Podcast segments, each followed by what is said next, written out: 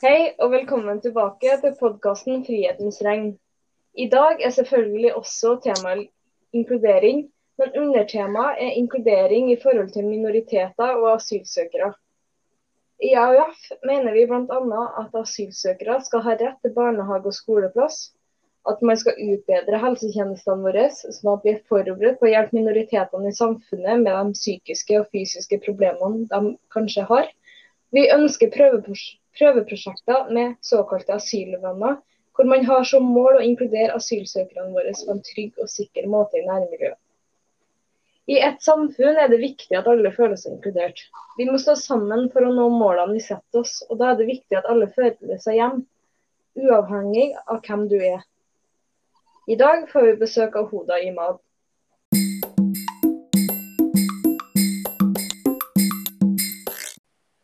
Hei sann, Hoda. Går det bra med deg i dag? Det går supert. Ja. Går det kan, det går fint med meg òg. Så bra.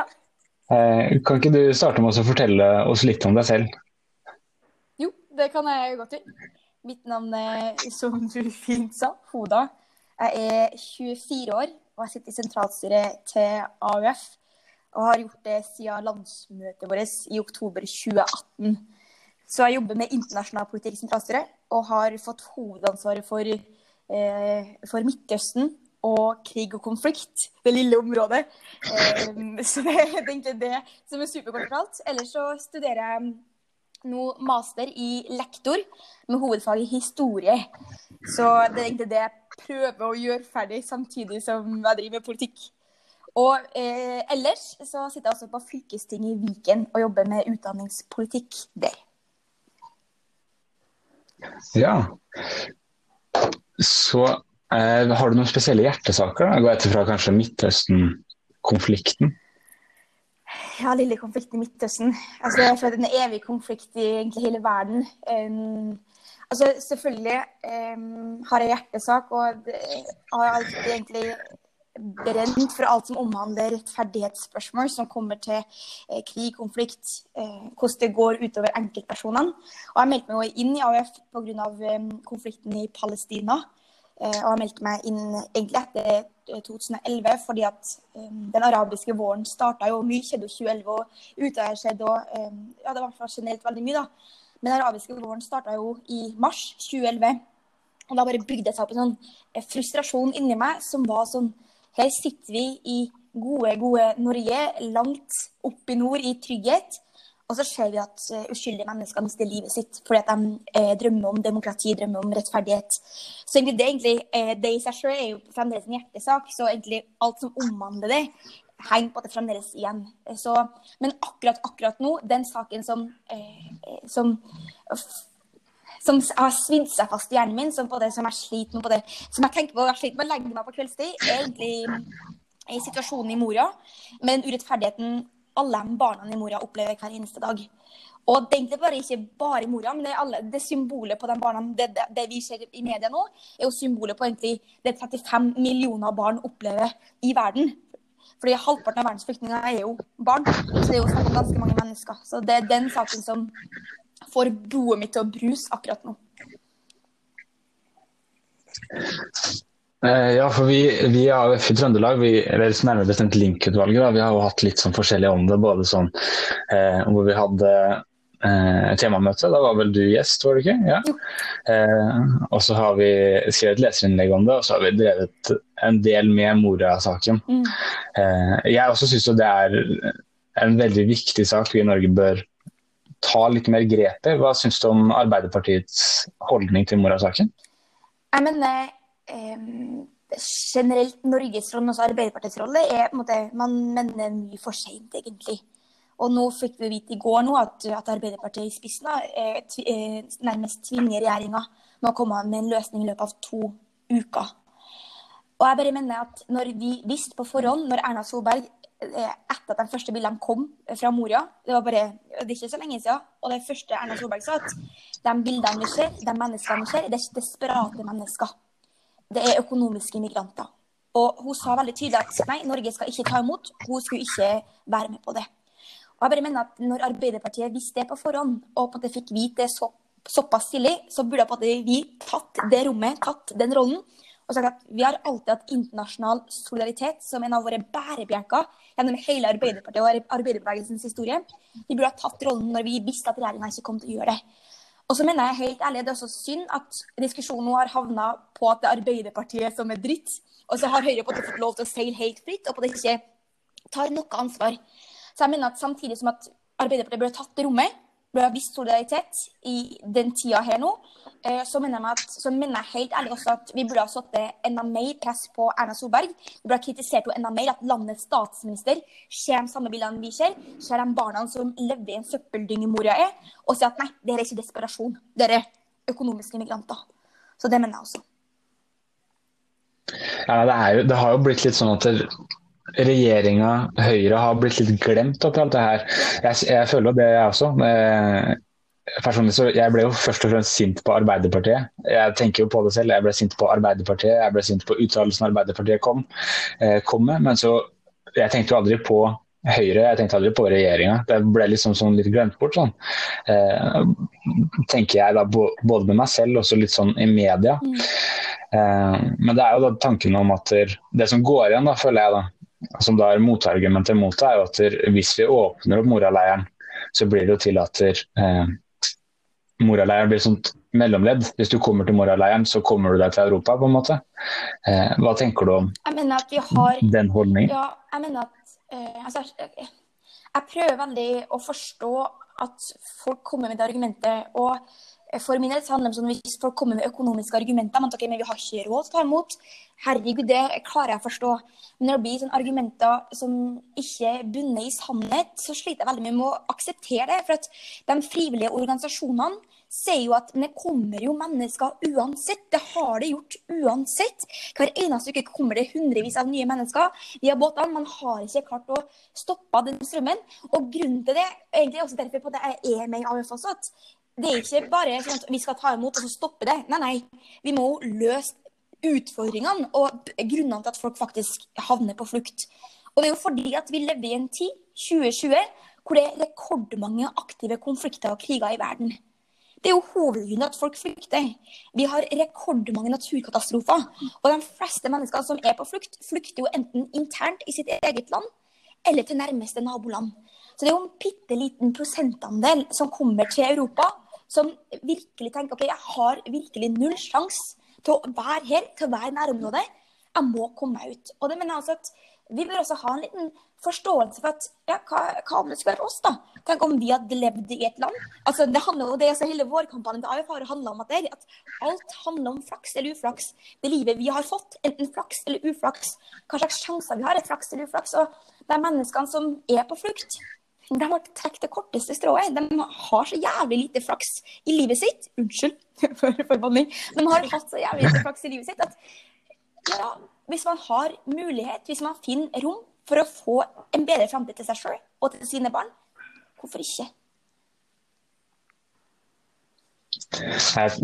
Vi alle her er jo enige om at den situasjonen i Mora det er et feilgrep sånn hvordan regjeringen og Norge har håndtert det, har jo blitt helt feil. Eh, men du snakker om vårkampanjen 'Flaks og uflaks' i Norge. Eh, Hvordan syns du om, hva syns du om AUF som en inkluderende organisasjon? Altså, Dere er jo Link-utvalget, så jeg tenker sånn, det er egentlig deres felt. Og jeg tenker jeg vil være veldig enig høre hva, hva også dere tenker. For dere er jo både aktive lokallag og fylkeslag. Og det er jo egentlig dere som kjenner det mest på kroppen. Um, og jeg har jo vært aktiv AUF i, i flere år, jeg òg. Jeg har sittet både i lokallagsstyret i Kristiansund AUF. Sånn starta jeg med, eh, med mitt engasjement. Og jeg har egentlig følt um, generelt at AUF har vært et hjem for meg.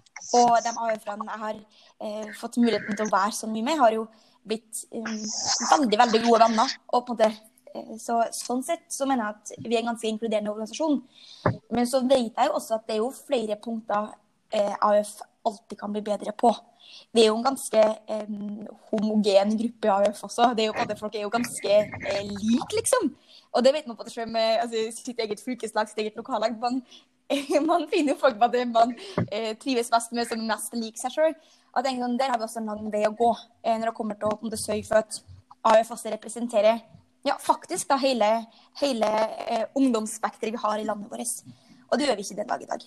Vi gjør det kanskje i medlemsmassen, som hvem som er faktisk medlemmer, men ikke dem som er aktive medlemmer. Men hva mener dere, da, dere som er i Link-utvalget?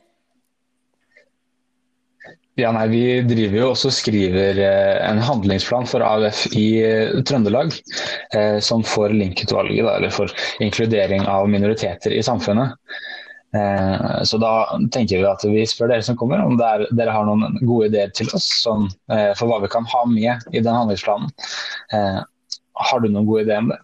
Um, jeg har noen tanker. Og jeg tenker sånn at du har garantert tenkt på det før. Og det man vet det, men altså, det er garantert Jeg tror ikke det er kommer sånn Hello, her er nytt, liksom. Det tror jeg ikke. Men jeg tror helt for å ta min egen erfaring, da. Eh, jeg er jo eh, muslim, kommer fra en muslimsk familie og eh, drev egentlig med AUF-politikk fra jeg gikk, ja, jeg gikk andre året på videregående. Da startet jeg. Og jeg husker i, hvert fall i begynnelsen at mine foreldre var ekstremt streng. Ikke sånn unødvendig streng, men de var ekstremt streng. Som bunna egentlig sånn usikkerhet. For begge de to er jo politiske flyktninger. Så de flykta fra alt som omhandla politikk. De assosierer ingenting positivt med politikk. For jeg da sa jeg har meldt meg i AUF. Så altså, og da var det, de var så sint. De var så sinte. Sånn, det skal du ikke gjøre. Fordi, eh, fordi, uansett hvor man bor i verden, så driver politikere og lurer. Politikere eh, så, Det er så lite tillit til politikk da, og politikere. Og da eh, kjente jeg veldig, veldig, veldig på at jeg skulle veldig gjerne ønske at jeg hadde noen i det fylkesstyret, eller i fylkeslaget, i det sentralstyret, det er snakk om 2012, som da hadde snakka med mine foreldre da, og sagt hallo, det her går fint. Eh, og det å drive med politikk i Norge, det er noe av det tryggeste man kan, eh, man kan gjøre. Og at, tenk at vi lever i et land hvor ungdommer på 15-16 år faktisk kan bli hørt, og at det man kommer med, faktisk kan bli reell politikk, liksom. Men vi må også ha den forståelsen for de foreldrene og for de voksne da, som, ja, som, har flykta som har, eh, eh, som har flykta fra regimer som de ikke assosierer noe positivt med. Men at vi også kan bli enda flinkere med egentlig, både på lokalt nivå, på fylkesnivå og på sentralt nivå. Så bare for egen erfaring. Og også alt som omhandler sånn overnatting og sånn. I Trøndelag, man har jo ofte sånn, Når det ikke er koronakrise, så har man jo ofte sånn eh, samlinger over helger at eh, man tilrettelegger for eh, folk som ikke normalt får muligheten til å overnatte, eller får lov til å overnatte. At ikke alt det gøye, alt sosiale trenger ikke nødvendigvis være på kveldstid, når det er kun dem som skal overnatte, som er igjen. da. En del sånne type ting er greit å tenke på. Um, men ellers sånn, alt sånn basic som jeg tenker alle må tenke på, er sånn hva slags mat jeg vil bestille, hva slags ting jeg vil snakke om. Er det, er det tilpassa for rullestol eller ikke når det kommer til lokale? En del sånne ting. Men jeg tenker sånn, det, uh, altså det forventer jeg egentlig at man har tenkt på når man på det driver med lokallags- og fylkeslagsarbeid, egentlig. Men den, den lille telefonen til foreldre som vil si bare bekreft, eller avkreft den, den usikkerheten, tror jeg egentlig er det viktigste for en del av våre medlemmer.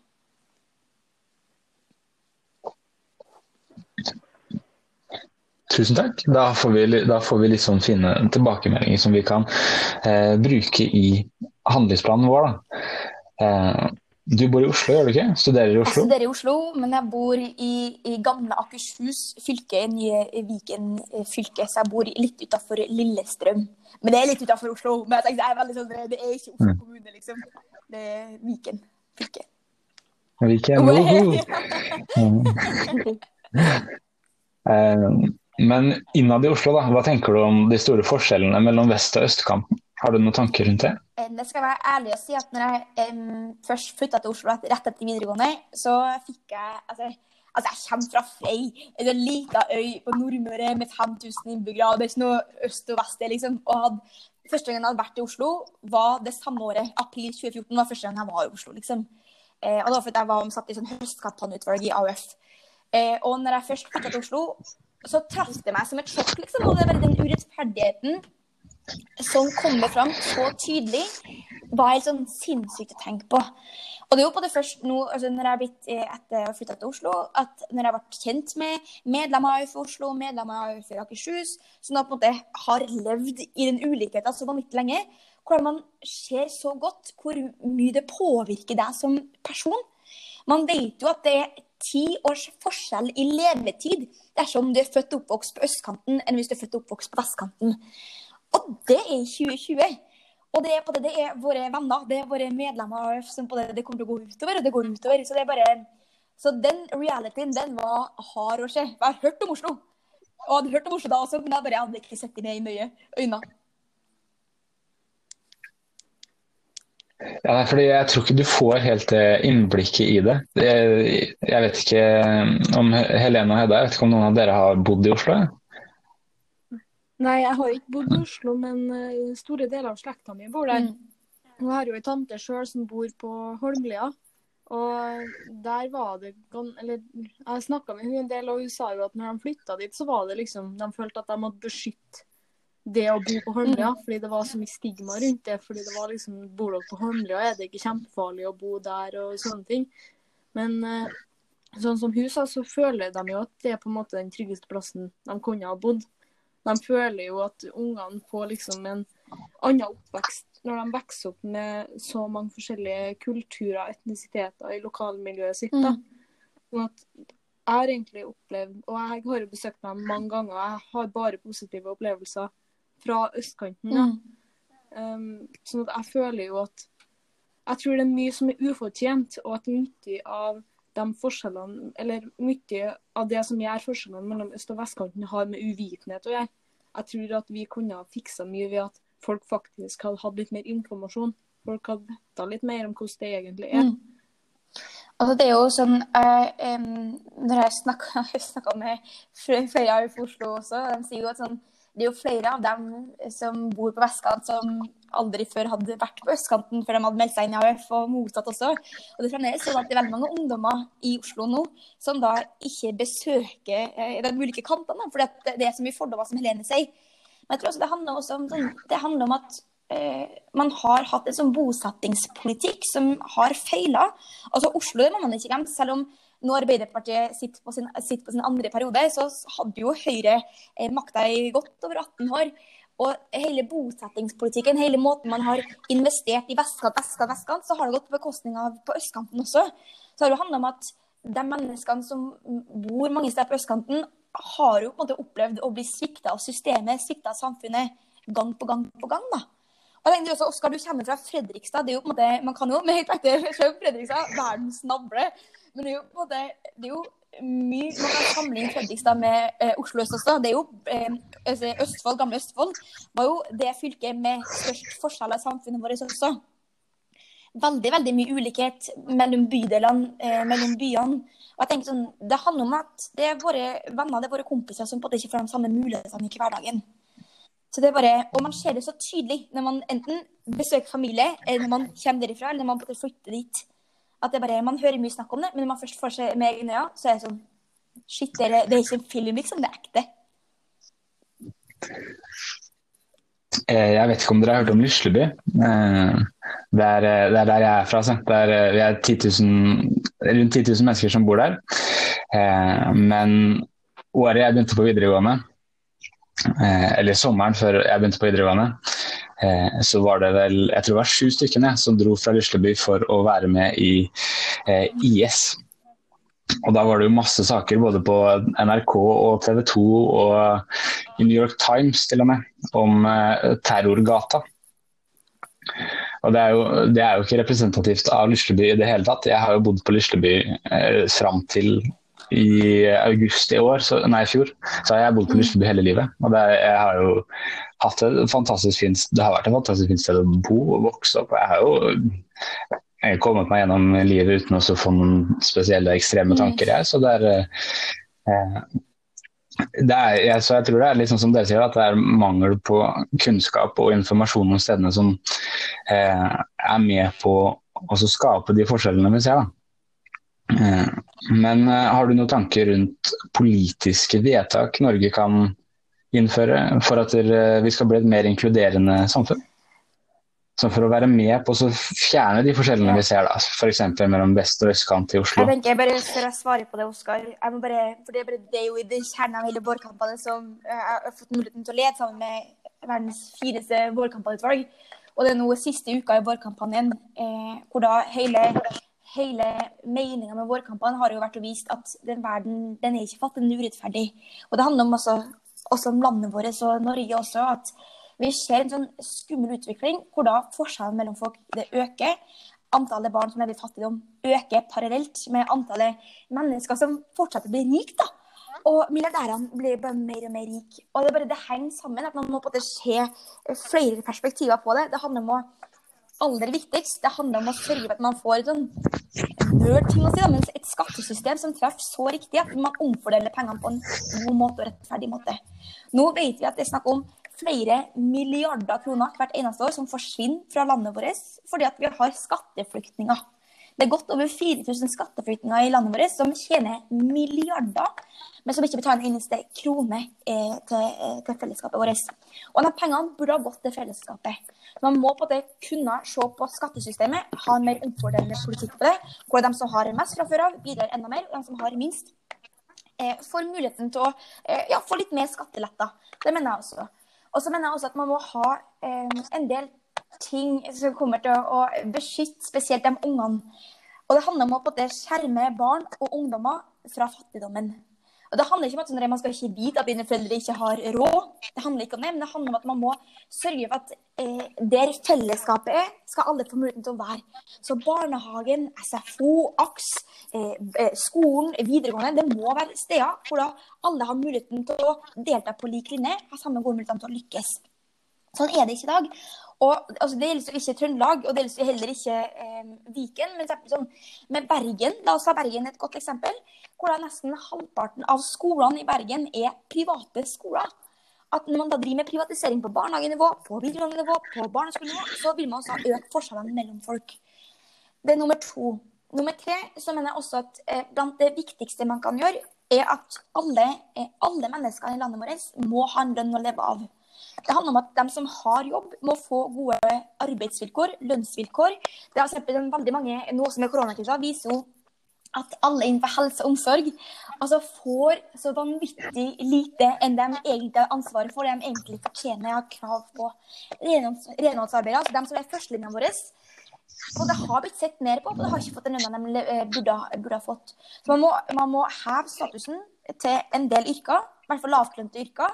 Man må heve lønna. Man må også se på de menneskene som ikke kan arbeide, de som er uføretrygda uten å Jeg tror ikke noen vil være uføretrygda, men de som faktisk ikke kan ut i arbeid, må også få muligheten til å få gode støtteordninger, gode velferdsordninger, uten å på en måte telle kroner og øre hver eneste måned. Og der er vi ikke i dag vi vet at fremdeles så er det eh, dem som er uføretrygda, får for lite penger. Det er snakk om minimalt, liksom. Og samtidig som at man har eh, leie lei man må betale, samtidig som man må, har barn man må brødfø. Så bare folk sitter igjen med kroner etter å ha betalt med alt. Og sånn kan det ikke være i verdens rikeste land.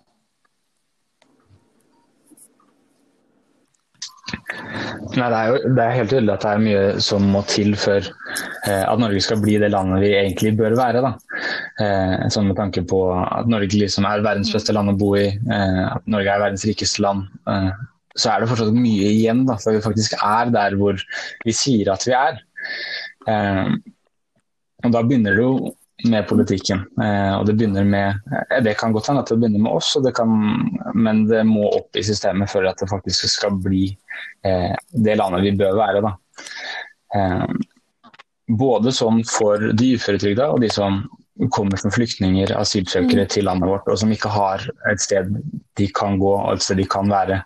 Ja, da hjelper det ikke å si at dere, eh, mm. dere får klare dere, eller dere får dra tilbake der mm. dere kommer fra.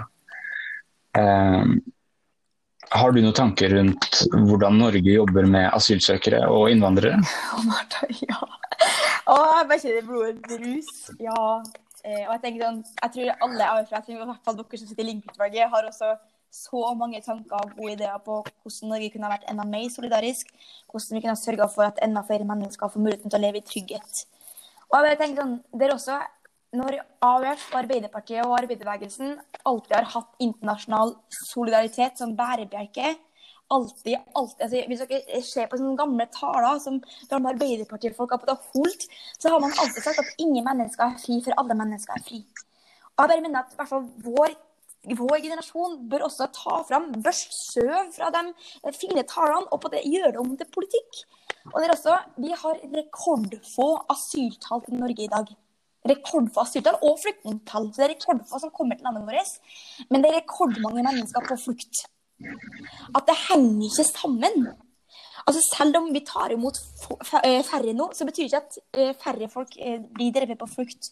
Og da mener jeg at For det første så må vi ta imot langt flere mennesker vi har råd, vi har kapasitet. Vi har, eh, vi har asylmottakene til det. Vi har lokalsamfunnene til det. Og i hvert fall også i Trøndelag. Det er mange av eh, kommunene i Trøndelag og i Møre og Romsdal, hvor jeg kommer fra, hvor det er sånn skrik etter tilflytting. Og på det vil, vil mennesker vil ta imot, men også fordi at man tjener penger på det i lokalsamfunnet. Man tjener penger på at folk kommer til landet vårt, eh, studerer, arbeider, betaler skatt. Eh, blir, blir en normal familie, da. Så jeg tenker det er nummer én. Men nummer to så må vi gjøre mye mer på å løse verdens kriger og konflikter. Norge er kjent for å være en fredsnasjon. Men nå sitter vi og ser på at rekordmange kriger finnes uten at vi klarer å gjøre noe. Og samtidig, Det, liksom, det, er, liksom, er kjepphest i politikken, og det bare mener jeg også. Jeg mener helt ærlig at Nå bør oss AUF diskutere i mye større grad på, eh, på om det er riktig at Norge tjener penger på krig eller ikke. Norge tjener milliarder på en våpenindustri, og våpenindustrien er laga for krig, laga for forsvar. Og forsvaret er også krig, for så vidt. Så jeg bare, Man må også diskutere de vanskelige sakene. Skal vi tjene penger på at mennesker blir drept i krig, eller skal vi ikke gjøre det? Skal vi tjene penger eh, på at uskyldige mennesker ikke får muligheten til å leve et godt liv, eller skal vi ikke gjøre det? Så de tingene må vi også diskutere på hva er faktisk viktig og riktig at Norge tjener penger på og ikke. Og nå tjener vi penger på at eh, ja, landet er i krig. Og jeg mener også eh, eh, at grunnen til at det er også så mange kriger og konflikter i verden, er for at det er så lønnsomt å drive med våpenindustri. Det er så lønnsomt å la det skje. Og vi kan ikke akseptere det.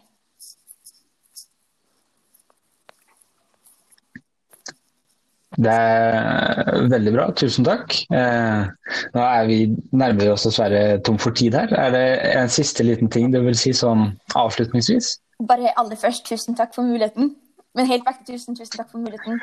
Eh, veldig veldig godt opplegg fra deres side også. Og bare til både dere, men også til alle, alle som kommer til å høre på. Bare, sånn, bare ikke tenk at det ikke nytter å drive med politikk. Vi er med AUF, for vi tror på politikken. Og politikk det forandrer hverdagen til folk. Politikk det forandrer enkeltmennesker. Politikk det forandrer verden. Så man må bare, altså hvis vi, hvis vi irriterer oss over ting i hverdagen vår, så må vi ty til politikken, for det er det som funker. Tusen takk for muligheten. Tusen takk for at du hadde tid til å være med, og så takk for at du kom.